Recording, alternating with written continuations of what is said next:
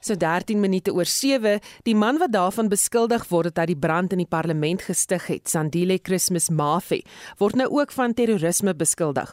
Die nasionale vervolgingsgesag het dit by die klagstaat gevoeg in gevolge die wet op die beskerming van konstitusionele demokrasie teen terroriste en verwante aktiwiteite.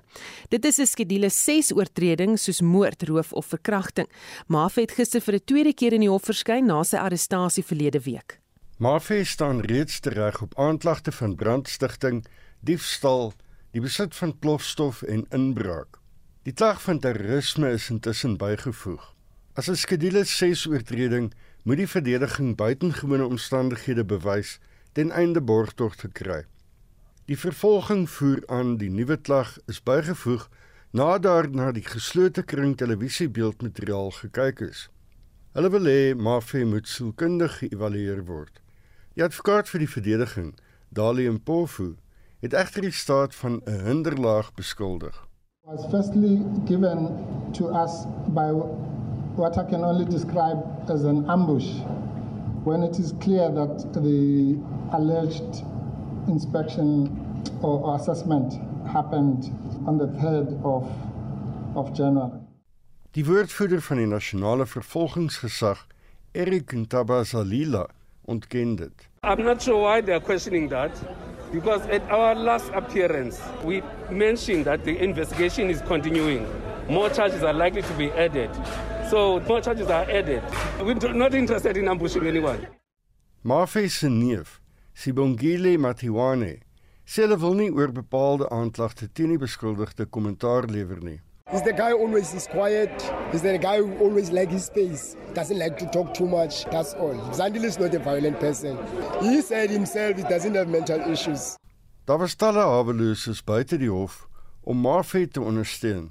They are taking advantage ne, of the homeless people. Ne? Mm. We are always taken as a scapegoat to, to put someone in prison. You must understand one thing. There is something behind this, even though we don't understand what it is. Ne? Nog 'n hawelose Monwabisi Sijaji sê hy ken Mafe. The allegations that stays in Kailicha, he stays in Langa. I don't know about that. I only know him. He goes to and sleep in the parliament. Uh, the other guy who also sleeps with him there. From my side, he, uh, I've known him for two years. Mafe se regsverteenwoordiger het aan die hof gesê hy beoog 'n hongerstaking as hy nie borgtog kry nie. Mpofu sê Mafe voel te nagekom, gewiktimiseer en 'n teken omdat hy arm is. Hy moet weer op 11 Februarie in die hof verskyn, maar Mpofu sê hulle sal voordan aansoek om borgtog doen. Hierdie bydra van Tandiswa Mawu in Kaapstad en ek is Hendrik Martin vir SAK nuus. 16 minute oor 7 jy luister na Monitor en uh, Monitor het gister berig dat die padverkeersoortredingsagentskap volstoom besig is met voorbereidings om die nasionale aardtoewysigingswet in werking te stel. Een van die belangrikste kenmerke sal die punteverminderingsstelsel wees wat na verwagting op 1 Julie vanjaar in werking tree. Dit behels dat 'n bestuurder punte verloor met elke oortreding. Een van die organisasies wat die stelsel teenstaan is die organisasie teen die misbruik van belasting Alta. Ons praat nou met die advokaat Stephanie Fick die of Fick eerder die hoof van regsaake by Alta. Goeiemôre Stephanie. Goeiemôre. Julle het die konstitusionaliteit van die wetgewing reeds in die hof betwis. Wanneer verwag julle uitslag? Ons ehm um, ehm um, hopelik kry ons uitslag so gou as moontlik. Ehm um, ek dink ehm um, as mense nou ehm um, na na ons na die prokureur luister, behoort ons uitslag te kry voor die einde van hierdie week. So ons sal bietjie later weer gesels om te hoor hoe dit gegaan het, maar daar is 'n paar kwessies waar jy bekommerd is. Een daarvan is hoe mense in kennis gestel gaan word van hierdie boetes. Wat is die probleem daar? Um, ons voel dat ehm um, dat deur net 'n 'n e-mail of 'n SMS, met ander woorde meer 'n elektroniese manier om iemand in kennis te stel um, van die oortreding, um, is is is onkonstitusioneel, is ongrondwettig, omdat daar nogal redelike gevolge voortspruit uit die feit dat as jy dit nie kry nie. Nou as mens nou gaan kyk na gewone ehm um, as jy nou gaan kyk na ehm um, ehm um, ons proses. As jy byvoorbeeld van iemand wil skei of jy wil iemand dagvaar, is dit altyd 'n 'n geval van jy moet dit persoonlik dien en in sekere gevalle kan jy dit per geregistreerde pos stuur. Nou die die die wetgewing soos wat hy heidaglik van toepassing is in in in in in Gauteng, Johannesburg en Tshwane, is dit die manier waarop jy jou ehm um, boete gaan ontvang. Ehm um, of persoonlik ehm um, word dit op jou gedien of jy gaan dit dan nou persoonlik kry by die ehm um, uitreikingsgesag dit nou 'n verkeersbeampte is um, of 'n polisiebeampte of of uh, wat ook al die geval mag wees of dit word per geregistreerde pos aan jou gestuur. Die die wysigingswet wat hulle nou in in werking wil stel, ehm um, sê enige van hierdie maniere maar ehm um, volgens hulle kan jy nou kies of jy dit dan nou ook ehm um, ehm um, via e-mail of dan 'n SMS kan kry. Ons sê nee. Die uitreikingsgesag, die ehm um, die die die die padverkeersoortredingsagentskap is die een wat in terme van die wetgewing moet besluit. En ons ons is nog steeds van mening dat as gevolg van die regtig die gevolge wat kan voortspruit as jy dit nie kry nie, is is is is regtig ehm um, te ernstig vir jou om dit te mis omdat jy byvoorbeeld ehm um, ehm um, nie die e-pos gekry het nie. Hm. Jy kan ook nie meer kies om eers hof toe te gaan nie. Dis ook 'n probleem. Ja, jy kan nou in in, in terme van die nuwe wysigingswet, um, ek dink hulle het besef dat dat omdat hulle bietjie gesukkel het met die administratiewe proses, ehm um, ehm um, Arto was nie 'n sukses in Swanie en Johannesburg nie. Die wetgewing is in, in 1998 Dit is 'n 1998 wet. Dit vir die afgelope 10 jaar ehm um, regtig 'n reuse mislukking in Johannesburg en Swanie. Die strafpuntstelsel wat deel is van aard is nooit in werking gestel nie, omdat ek dink hulle besef sê vir dat hulle nie kan nie. Ehm um, hulle het uit geld uitgehardloop om mense per geregistreerde pos van hulle uh, oortredings te laat weet baie vinnig. So dit was nie baie groot sukses nie. Nou wil hulle met die wysigingswet A dit landwyd uitrol met sekere veranderings. En een van die veranderings was dat hulle nou uit hierdie administratiewe proses en um, jou reg om dan nou te sê maar ek wil eerder hof toe gaan en en hierdie oortreding gaan beveg. Dit is nou heeltemal uitgevat. Dit is nou die totaal en alle administratiewe proses en die eerste keer wat jy kan hof toe gaan is as jy nou eers vertoog gerig het en dan na die appeltribunaal toe gegaan het en totaal en al onvrede ontevrede is met met die uitslag daarvan. Slegs dan kan jy of met 'n appel of met 'n hersiening na 'n 'n landroshof toe gaan. Daardie appeltribunaal, wat van hierdie tribunaal pla julle? In die eerste plek is die, tribunaal nou nog nie aangewys nie. Die tribunaal word deur die president aange, uh, aangewys op aanbeveling van die minister. Met ander woorde en en, en dis nadat die minister gevra het vir nominasies. Nou daai uh, um, uh, tribunaal is nou is, is is nou nog nie aangewys nie. Ten spyte van die feit dat dit deel was van van die van die plan ehm um, tot einde Desember verlede jaar. Wat ons ook kla is die feit dat ehm um, die uh, appeltribunaal bestaan uit 'n voorsitter en 8 lede. Ehm um, hulle is net deeltyd en hulle is uh, hulle is dan nou die mense wat landwyd almal se vertoog gaan gaan hanteer. En ons is van mening dat dit nie genoeg is nie. Ons is van mening dat dat die die die die ehm um, RTI onder 'n wanindruk is dat ehm um, daar nie soveel vertoog gaan wees nie. Ehm um, ons weet nog nie waar hulle gaan sit nie. Ons weet nie ehm um, tot hoe mate hulle ehm um, gaan funksioneer nie. Dit is die reëls en in in in regulasies is seker iets wat hulle dan net sal saamstel sodra die appeltribunaal in die lewe geroep is. Maar ons is bekommerd dat ons dink dat hierdie appeltribunaal nie ehm um, ehm um, die, die die hoeveelheid sake wat hulle gaan moet hanteer, hmm. hulle nie sal kan hanteer nie. So met administrasie dit gaan weer eens uh, administratiewe prosesse, dit gaan lank wees ja. en intussen is ons ook nie seker dat as iemand dan nou 'n 'n 'n 'n 'n strafpunt of 'n 'n uh, ehm um, hierdie dwangbevel teen hom het of dit opgeskort geword terwyl hierdie proses aan die gang is. So daar is regtig baie ernstige gevolge vir motoriste. Baie dankie. Dit was advokaat Stefanie Fik, die hoof van regsaake by Alta. Die trojka van die Suider-Afrikaanse Ontwikkelingsgemeenskap sal die mandaat van die blok se militêre teenwoordigheid in Mosambiek na verwagting verleng. Die trojka het hierdie week in Malawi vergader. Die militêre sending wat hoofsaaklik uit soldate van Suid-Afrika, Tansanië en Botswana bestaan, ervaar baie uitdagings in die stryd teen insurgente in die noordelike provinsie Cabo Delgado. Die grootste struikelblokke is 'n gebrek aan geld en hulpbronne. Die vergadering van die trojka wat deur die president of deur president Cyril Ramaphosa gelei word, sal die volgende stap stappe in die sending na verwagting uiteensit. Dit is minder as 6 maande sedert die sending in Mosambiek ontplooi is. Ramaphosa sê die Suid-Afrikaanse Ontwikkelingsgemeenskap sal die kwessie bespreek. The SADC Troika, uh, which I chair, is going to meet in Malawi and we are going to be looking at the progress and the developments in Cabo Delgado in Mozambique and get progress reports and thereafter we will have a summit a SADC summit, which will be evaluating precisely that. And so it's a straightforward type of meeting. Verskeie soldate het reeds met die sending in Mosambiek gesneuwel. Die sending het 'n gebrek aan hulpbronne. Suid-Afrika se minister van internasionale betrekkinge, Naledi Pandor, het lidlande gevra om meer geld te voorsien. 'n Militêre ontleder, PSP Go sê daar is 'n gebrek aan samewerking met die Mosambiekse veiligheidsmagte wat dit moeilik maak om presies te bepaal wat vir 'n suksesvolle militêre sending nodig is. We shouldn't be surprised that SADC is kind of struggling to put a coherent plan on the table because it's not responding to a coherent plan.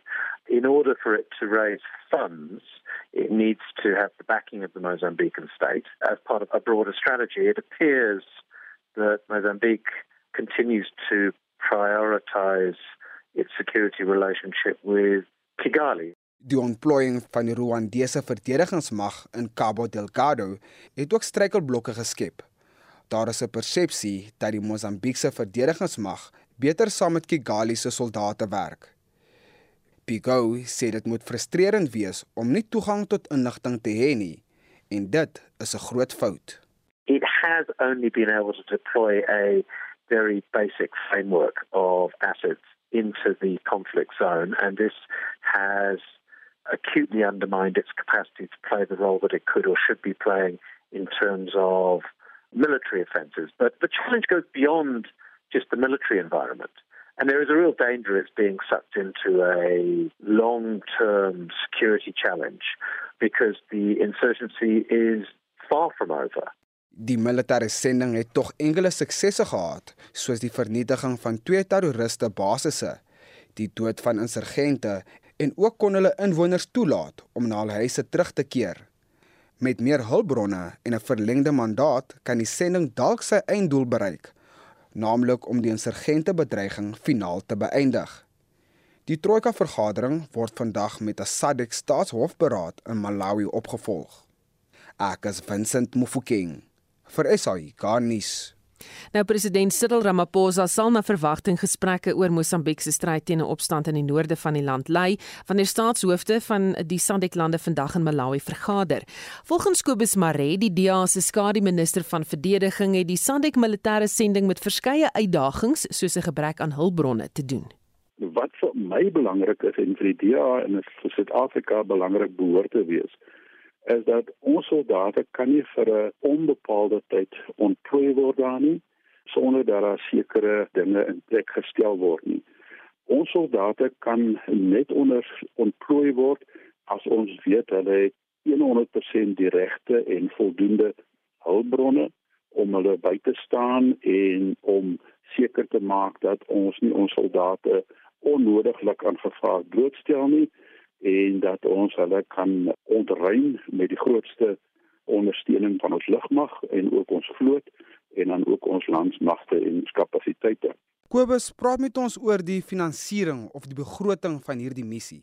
Op hierdie stadium is die hele finansiering van die SADC ontplooiing die samemagte in Cabo Delgado baie baie onseker. Ons weet die weermag het nie begroot vir betrokkenheid in Mosambiek nie en ons weet ook dat dit is onwaarskynlik dat ons begrotingsregime en ons die sterkte van ons ekonomie gaan toelaat dat daar hierdie ekstra honderde miljoene rande daarvoor beskikbaar gestel word en dat eintlik die Suid-Afrikaanse belastingbetaler daarvoor moet betaal. So ons was van die begin af baie duidelik geweest, ja, maar dit moet deur SADC befonds word en waar SADC hulle fondse kry, maak nie werklik saak nie of dit nou by die Afrika Unie is of dit by die Verenigde Nasies is of by die Europese Unie is en of dit by die individuele lande is waar uit die maatskappye kom en wat ook dan éventueel die belastingvoordele daarvan gaan kry. Dit maak nie werklik saak nie. Die belangrikste ding is net daar moet op ordentlike befondsing wees, iets wat ons nie het nie. Wat ons met die korporaalse afsterwe gesien het, is dat daar was nie genoegsame ligsteen nie. Dieselfde tipe van ligsteen wat ons tans met ons rooivak helikopters bied aan ons Oryx helikopters wanneer soldate afgelaai word of onttrek word uit sekere gevaargebiede uit waar die rooivak hulle bystaan en saam met hulle vlieg en eintlik hulle beskerm teen onredelike aanvalle wat daar mag wees. Ons weet dit was nie daar nie en dit behoort daar te wees. Nou president Ramaphosa is die voorsitter van SADC. Wat behoort daar met hom bespreek te word? So wat SADC behoort te bespreek met president Ramaphosa wat dan die voorsitter van hierdie komitee is rondom veiligheid en sekuriteit is natuurlik die hoe lank moet dit aangaan?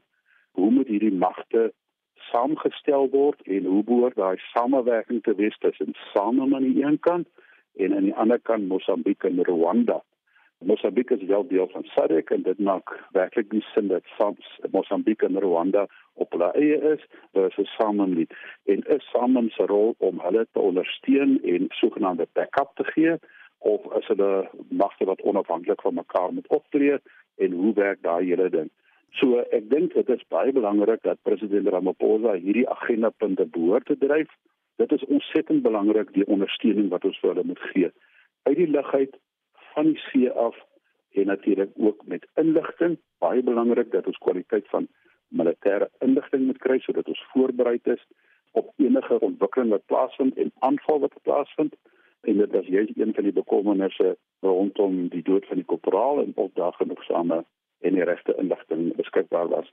So hierdie dinge is wat die president en die opperbevelhebber van ons weermag behoort te dryf sodat ons kan sekerheid hê sodat ons weermag kan sekerheid hê sodat ons weet of dit net hierdie sogenaamde voorspan en ons verkenningsmanne is wat daar is, ons spesmagte wat daar is, wat daar moet aangaan en of dit die volle kontingent van die gemagtigde 1500 soldate is waarvan ons weet om by 1000 is konstant op 'n bystand vir wanneer en indien hulle sou ontplooi word Mosambiek toe. En dan buite die finansiering, het ons die hulpbronne om ons eie lugmag of weermag te beskerm. Dit is baie belangrik dat ons moet gaan kyk na die beskikbaarheid van ons Oryx helikopters. Ons weet ons het nie baie van hulle in Suid-Afrika nie, maar met 3 van hulle in Mosambiek kan ons sekerlik twee beskikbaar maak vir wanneer daar sulke operasies is en ons mense moet ingeneem word of uitgebring word. Dit is ook belangrik dat ons moet gaan kyk dat ons Gripen vegvliegtuie wat ons weet in Mpumalanga en in Limpopo gestasioneer is in daai ou Oos-Transvaal area ooste van die land, noordooste, wat relatief naby is aan Mosambiek en waar hy vlugte die ondersteuning behoort te kan bied. Ons weet ons het nie geld nie, maar wanneer ons ons soldate instuur, behoort geld nooit die rede te wees waarom ons ons soldate terugbring in liggaamsakke nie. Ons moet hulle veilig hou, ons moet hulle ondersteun, ons moet hulle gesond terugbring na hulle mense toe. En dit was Kobus Maree, die DA skare minister van verdediging wat met Winston Mofokeng gepraat het. Dan jy het vir ons nog terugvoer die mense gesels flink saam. Ja, en ons wil weet, eh, jy weet ons praat 'n bietjie vanoggend oor hoe duur dit is om eh, jou kinders skool toe te stuur. Iselda Fourie skryf op Facebook. Ons gaan nou graad 6 toe en ek moet sê, die skryfbehoeftes is 'n bietjie korter, maar nou ja, ons gaan aangroei en ons skoolklere en skoene moet vervang word. So dis nou maar een van daai dinge. Ons moet hom groot kry en hom reg kry vir werk eendag. So ons het nie 'n keuse nie. Dan skryf Peter Petro van der Linde Grey 'n bietjie raad. Sy sê beplan plan. Vergelyk pryse, koop by verskillende verskaffers om die beste pryse te kry.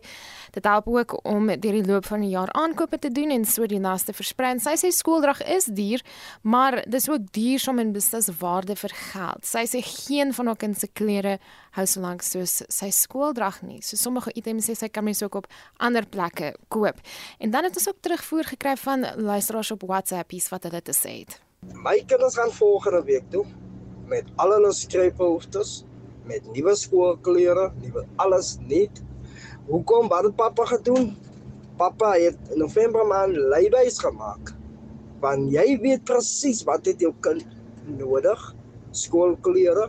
My vrou het van maandag af tot gister toe sy my kinders se klere gaan haal, alles net vir 800 rand. Ek ek meen is redelik. Die skool gee 'n briefie lank voor die tyd het. Is 'n ouma van vele. Die meeste van my kleingoed is nou al in die hoër grade. Maar weet jy ek stem saam met hierdie ehm um, storie van hoekom so baie goedkoop van die klein kinders toe hulle nou vroeër jare in die laer grade en net in die skool gekom het. En dis 4 pakke van dit en 5 pakke van die en kleerpotlode en toiletpapier en en en. My een dogter was baie baie skerp en sy het al vier die pakke kleerpotlode gemerk met haar kinders se naam op. Eintlik gegraveer, dit was nie eers stikertjies wat daar opgeplak is nie. En toe die jaar verbygaan en sy gaan vra, maar weet jy wat, wat het nou van die ander potlode geword? Toe is daar vir haar gesê, maar weet jy, jou kind het nie so goed so baie opgebruik nie. Ons het dit maar uitgedeel aan die wat minder bevoordeeld is. Niks verkeerd daarmee nie. Heeltemal reg. Ek het glad nie 'n probleem met dit nie. Maar kon die onderwyseres nie net die mamma gevra het? Hoorie?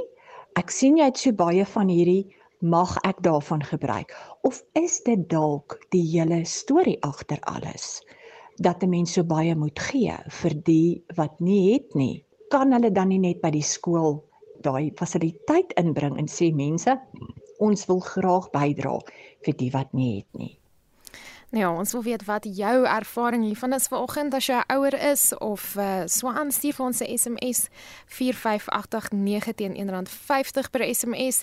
Kan ook met ons gesels op ons Facebookblad of jy kan vir ons 'n stemnota stuur na 076 536 6961. Ons is net so voor 8 terug met nog van jou terugvoer. Dankie Marlenae 737 bykans 738.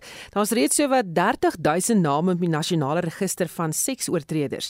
Die registrateur van die register, Ntombizo Machila sê veral staatsdepartemente binne die lys wanneer hulle wil weet of 'n voornemende werknemer dalk 'n oortreder is.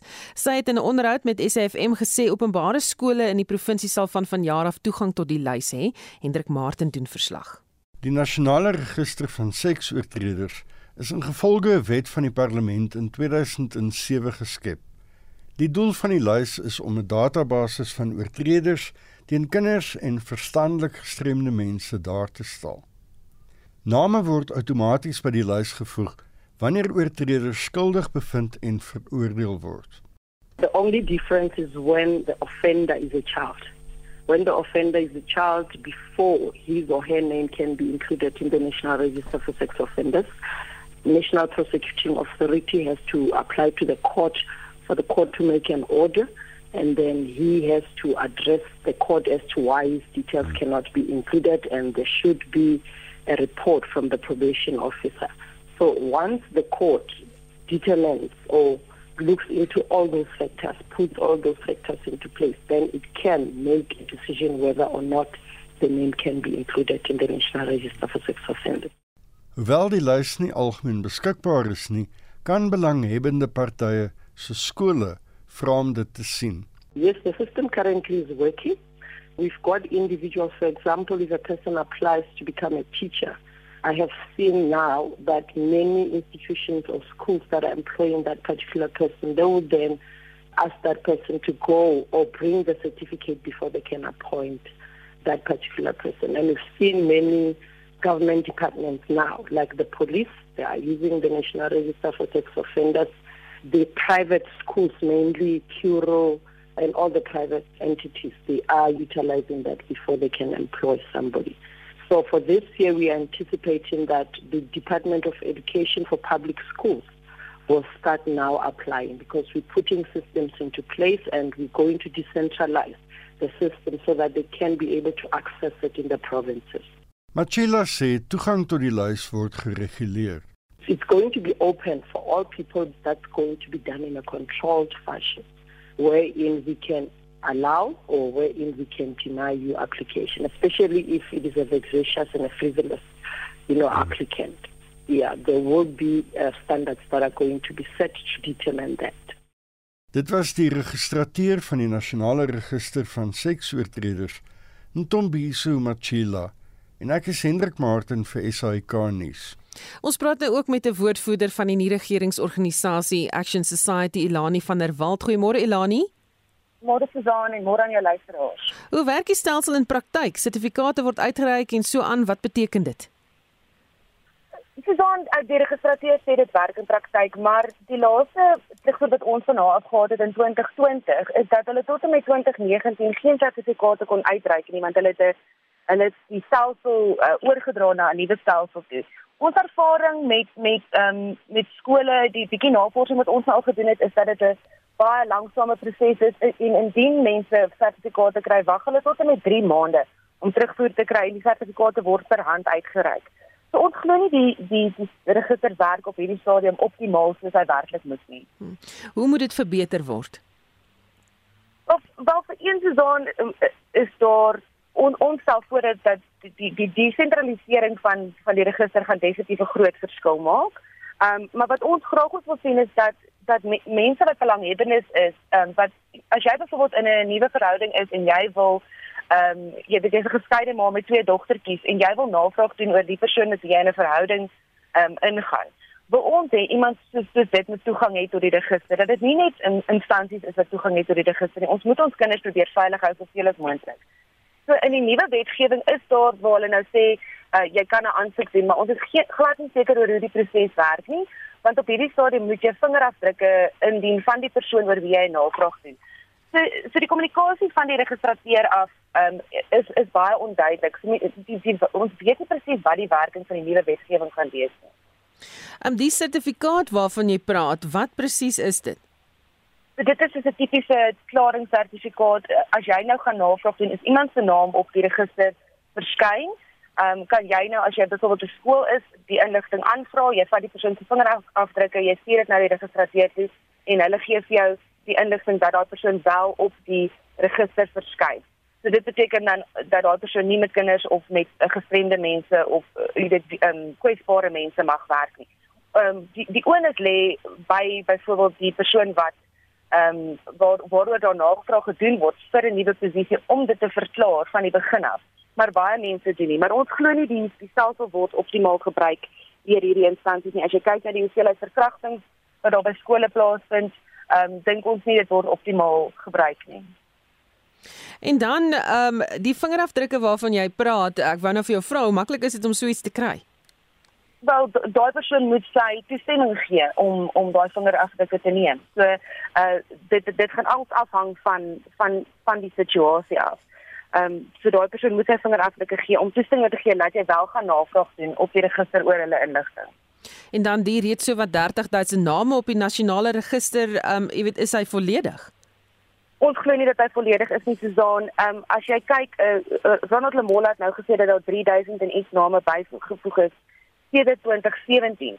Ehm um, en as jy gaan kyk net na 2016, 2017 se jaar, is daar 6366 suksesvolle vervolgings ehm um, vir seksuele geweld teen kinders gewees.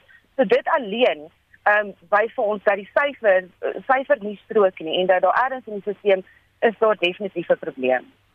Baie dankie dit was Elani van der Walt, woordvoerder van die nie-regeringsorganisasie Action Society. Vir wêreldnuus eh, sluit Essie nou by ons aan en ons begin in die FSA waar president Joe Biden 'n geskiedkundige vergadering aan die senaatreëls aangevra het in 'n poging om die FSA se verkiesingswette te hersien, Estie. Ja, Susan Biden sê hy ondersteun veranderinge wat sal toelaat dat sy stemhervormings deurgevoer word sonder die steun van oppositie Republikeine. In die stadium het twee demokratiese senators bedenkinge oor die voorstel en dit word deur geen Republikeine ondersteun nie. 'n Meerderheid van 60% word benodig om die meeste wetgewing deur te voer. Die twee wetsontwerpe is die wet op vryheid om te stem en die wet op die bevordering van stemregte van van John Lewis en dit is verlede jaar deur die Huis van Verteenwoordigers wel goedgekeur. Biden stel voor dat die wet op vryheid om te stem gestandaardiseerde landwyse stemreëls moet instel in teenstelling met reëls wat nou staat vir staat ingestel word. Die John Lewis wet sal vereis dat sekere state regeringstoestemming moet kry vir enige verandering wat aan die verkiesingsregulasies gemaak moet word. Jim Crow 2.0 is about two insidious things voter suppression and election subversion. It's no longer about who gets to vote, it's about making it harder to vote. It's about who gets to count the vote and whether your vote counts at all. It's not hyperbole, this is a fact. Look, this matters to all of us. En dit was die president van die FSA, Joe Biden. Nou verskuif ons die fokus na die Australiese Ope en of die wêreld se nommer 1 tennisster Novak Djokovic aan die toernooi sal kan deelneem. In 'n nuwe wending in die saak het die eerste minister van Serbië, Ana Brnabić, gesê Djokovic moet self die grys area van sy PKR-kawe toets verduidelik. Ja, Djokovic sê hy het 'n mediese vrystelling ontvang om Australië te mag binnegaan omdat hy in Desember positief getoets het vir COVID-19. Maar vra word geopper oor sy verskyning in die publiek oor dieselfde tyd dat hy sê hy positief was. Hy het op 17 en 18 Desember verlede jaar by geleenthede in die openbaar verskyn, terwyl hy sê hy het op 16 Desember positief getoets. Servië se eerste minister sê dit sal teenstrydig wees met die land se COVID-19 maatreëls. Intussen sê 'n tennisverslaggewer van Sydney in Australië, Craig Gabriel, tyd oor of Djokovic aan die tennistoernooi kan deelneem is besig om leeg te loop. The seeding's are already out, and obviously uh, the seedings follow the world ranking. So that's Djokovic at number one on the women's side. Ash Barty is the number one seed. The draw for the Australian Open is tomorrow. So you'd want to have, if anything's going to happen, you want to have it finished and sorted out by later today at the absolute latest. Because if the draw is done and then something happens, it is definitely going to make a, a, an even greater mess of things.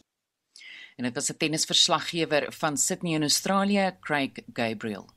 Nes oor die Omicron variante van COVID-19 is dat die Wêreldgesondheidsorganisasie waarsku dat die helfte van Europa se bevolking binne 6 tot 8 weke positief sal toets vir die Omicron variant. Altesaam 7 miljoen mense in Europa het positief getoets vir die Omicron variant in die eerste week van 2022. Die streeksdirekteur van die WHO in Europa, Hans Kluge, sê die voorspelling is dat 50% van die bevolking in Europa Omicron sal opdoen in die volgende 6 tot 8 weke. Data collated in recent weeks confirms that Omicron is highly transmissible because the mutation it has enabled it to adhere to human cells more easily, and it can infect even those who have been previously infected or vaccinated. In die FSA is 'n gemiddeld van meer as 700 000 nuwe COVID-19 gevalle per dag oor die afgelope 2 weke aangemeld, met sowat 142 000 mense wat op die oomblik in hospitale behandel word, en dit is 'n toename van meer as 83%. Die FSA se mediese raadgewer oor COVID-19, Dr Anthony Fauci, het terugvoering gegee aan 'n komitee in die Kongres, en hier is sy antwoord op 'n vraag oor inentings. If you look at vaccinated versus unvaccinated, there's about a 10 times greater chance that you'd be infected if you were unvaccinated, about a 17 times greater chance that you'd be hospitalized if you were unvaccinated, and about a 20 times likelihood that you would be dead if you were unvaccinated. So when you look at every parameter, 10 times, 17 times, 20 times, infection, hospitalization, death. En dit was die FSA se mediese raadgewer oor COVID-19, Dr Anthony Fauci. En dit was Estie met 'n oorsig oor vandag se wêreldnuus.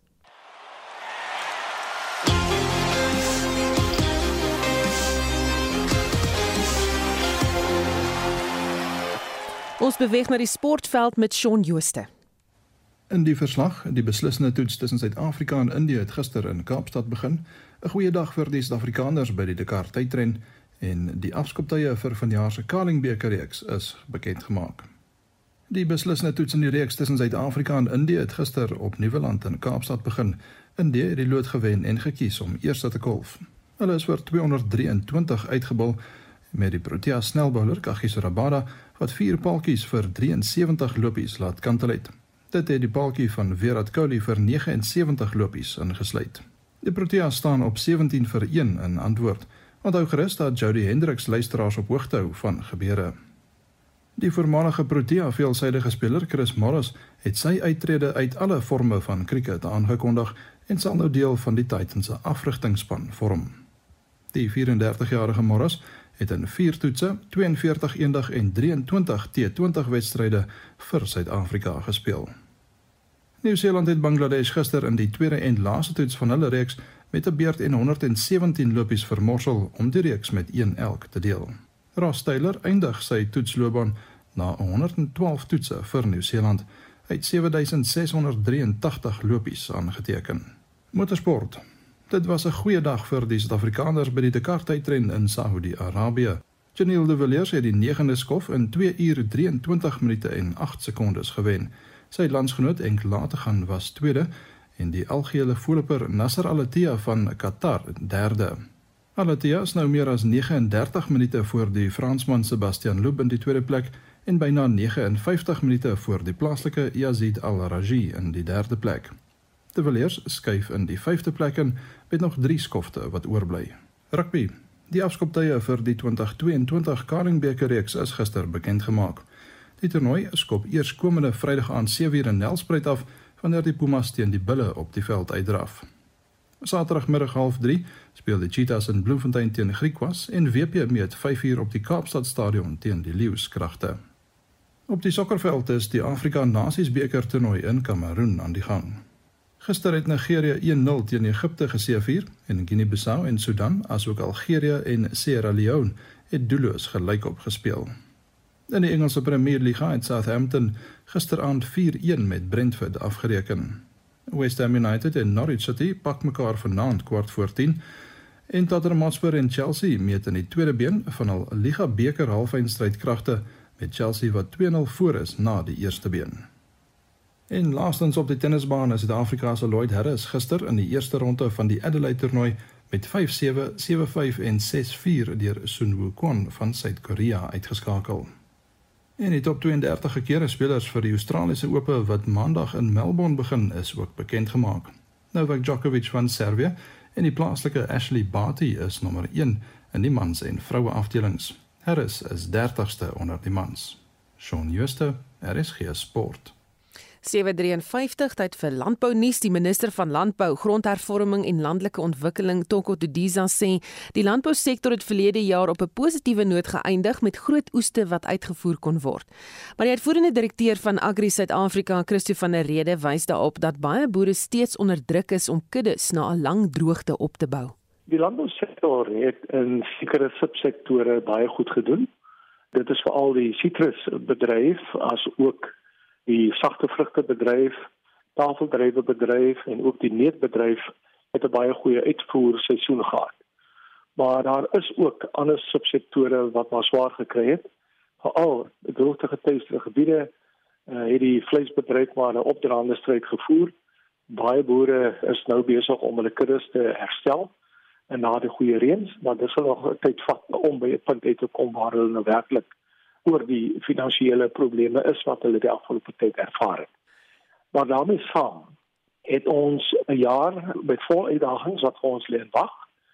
Ons sien dat kunsmispryse taamlik gestyg as ook dieselpryse verlede jaar en daarmee saam het arbeidskoste gestyg. Ons sien ook Eskom van planne om 'n 100% verhoging in te stel vir elektrisiteit. En dit maak dit baie baie moeilik vir boere om werklik waar winsgewend te boer. Dit bly vir ons 'n groot bron van kommer en dan groot uitdagings in die hawens. Ons Suid-Afrika het goeie uitvoergeleenthede. Ons sien ook dat ons kan op pere uitvoer na China toe. Dit is ons baie goeie nuus. Maar as ons hawens nie funksioneer nie, hoe kan ons dan eh, die goed uitkry na ander lande toe?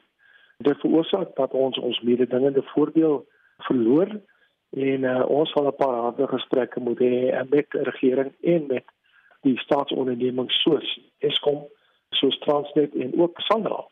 Want Sanral uh, en dan ook jou provinsiale paai departemente is verantwoordelik vir die instandhouding van paaie. En baie van ons paaie is in 'n onbegaanbare toestand. Jy kan nie daarop ry nie en dit het implikasies in vir boere se voertuie en vir afleweringsmaatskappye se voertuie en so voort. En dit dra alles by tot die kostes, tot hoër kostes wat deur die boer geabsorbeer moet word. Uh, die boer bly maar 'n prysnemer en uh, gegee die feit dat ons land te hoë vlakke van werkloosheid het, dan gaan dit baie moeilik wees vir verbruikers om die verhoogde pryse te absorbeer. So ja, ons is vasgevang tussen die duiwel en die see. Maar die landbousektor bly veerkragtig en ons bly hoopvolle bedryf en ons sien uit daarna om die land in die nuwe jaar van kos te voorsien en dit moet bekostelbare, goedkoop en ook veilige kos wees want daarsonder kan land nie klaarkom nie. Die minister het ook verwys na die feit dat werksgeleenthede in die landboubedryf geskep word te midde groot werkloosheid. Wat is Agri Suid-Afrika se lede se ervaring in die verband? Die werk word maar geskep in jou arbeidsintensiewe sektore. Die vrugtebedryf as ook sitrusbedryf, tafeldrywerbedryf het mense nodig om die vrugte te pluk. Maar veral in jou graanbedryf en ander bedrywe waar 'n groot deel van groot masjinerie gebruik maak gemaak word, vereis ons nou 'n nuwe soort werker. 'n Werker wat geletterd is, 'n werker wat tegnologie verstaan, 'n werker wat die vermoë het om 'n masjien van 6 miljoen rand te kan hanteer. In terme van dit is dit maar 'n opdraande stryd om werkers opgelei te kry want sulke werkers is 'n groot aanvraag en hulle beweeg vinnig van een plaas na 'n ander plaas. Aan die ander kant sit ons met 'n groot groep werkers wat jou vrugteplukkers is en hulle is seisonale werkers. En daar lê vir ons ook 'n groot uitdaging van nou wat uh, werkers uit Zimbabwe verhoed word om in Suid-Afrika te kom werk en werkers uit Lesotho uit verhoed word om byvoorbeeld skape te kom skeer kan dit weer ander probleme teweegbring. So ons is in gesprek met die departement om die permitte so gou as moontlik uit te reik sodat ons daai werkers wat bereid is om daar werk te kom doen in Suid-Afrika sodat ons hulle kan inspann om die wol skape te skeer as ook vrugte in sekere gebiede te pluk. En dit was Christo van der Rede, die uitvoerende direkteur van Agri SA en hy het met Mitsi van der Merwe gepraat. Ons praat vanoggend oor die kostes verbonde daaraan om jou kind skool toe te stuur. Kom ons luister vir ou laas na wat jy gesê het. Ek het twee meisiekinders. Hulle se maas nou laas jaar wil leer. Gister toe hulle hulle klaar het, nou wanneer koop daar was 'n skoolklere. Sê hulle eers 'n bietjie kans gee. Daarom nou eers is eers vir die een koop en dan vir die ander een koop. Dit gaan maar swaar, dit gaan maar swaar en dan nog hulle boeke en goed inkleep potlood en goed ook. Goeiemôre, hier in Flammiesop. Ek dink dit is ook belaglik. Want nou moet die ouers 10 van elke ding moet hulle nou koop en alles saam stuur saam skool toe. Nou is daar ander wat glad nie moeite doen om vir hulle kinders te koop nie, maar jy wat gekoop het, dan vat hulle jou goed, gee dit vir die ander. Ek meen dit is bietjie verregaande. My kinders is genadiglik al uit die skool uit, so ek word hierdie verskriklike pryse en hoofpyn gespaar. Maar ek het 'n wonderlike wonderlike wonderlike huishulp en ek het vir haar gevra vir haar skoolbehoefte lysie sodat ek vir haar die goedjies kan gaan koop. Ek was absoluut verstom. Haar dogtertjie gaan na graad 6 toe. Twee rooi penne is deel van haar lysie twee blou penne en twee rooi penne. Met ander woorde, hierdie arme mense is besig om die onderwysers se merkpenne te verskaf. Dis belaglik. Ek het nou na die ouma se insetsel geluister en ek wil volmondig saamstem, maar ek is self in die onderwys, jy weet, ek weet nie hoekom al hierdie pakke en pakke en pakke goed nodig het nie. As 'n kind by my aankom en hy het 'n blou pen, 'n lang liniaal, 'n sterk potlood, 'n uitveer, 'n skerpmaker, gom, en 'n skrif, dan is dit dit. Jy weet, dan is hy gereed vir die jaar. Dankie dat jy saamgesels het vandag en dat ons jou stem kon hoor. Dit was nou lekker. Estie, wat's op die Spectrum dagboek vandag? Die DA hou 'n media-konferensie om besonderhede bekend te maak oor hoe die ANC sy kaderontplooiingskomitee gebruik het om die staat te kaap en dit is terug hok toe vir leerders in die binneland vandag en ons kyk nou hoe die eerste skooldag van 2022 afgeloop het. Dit is meer in Spectrum tussen 12 en 1. Dankie Estie en daarmee groet die monitorspan. My naam is Susan Paxton by ingeskakel op RSG vir die beste luistervermaak.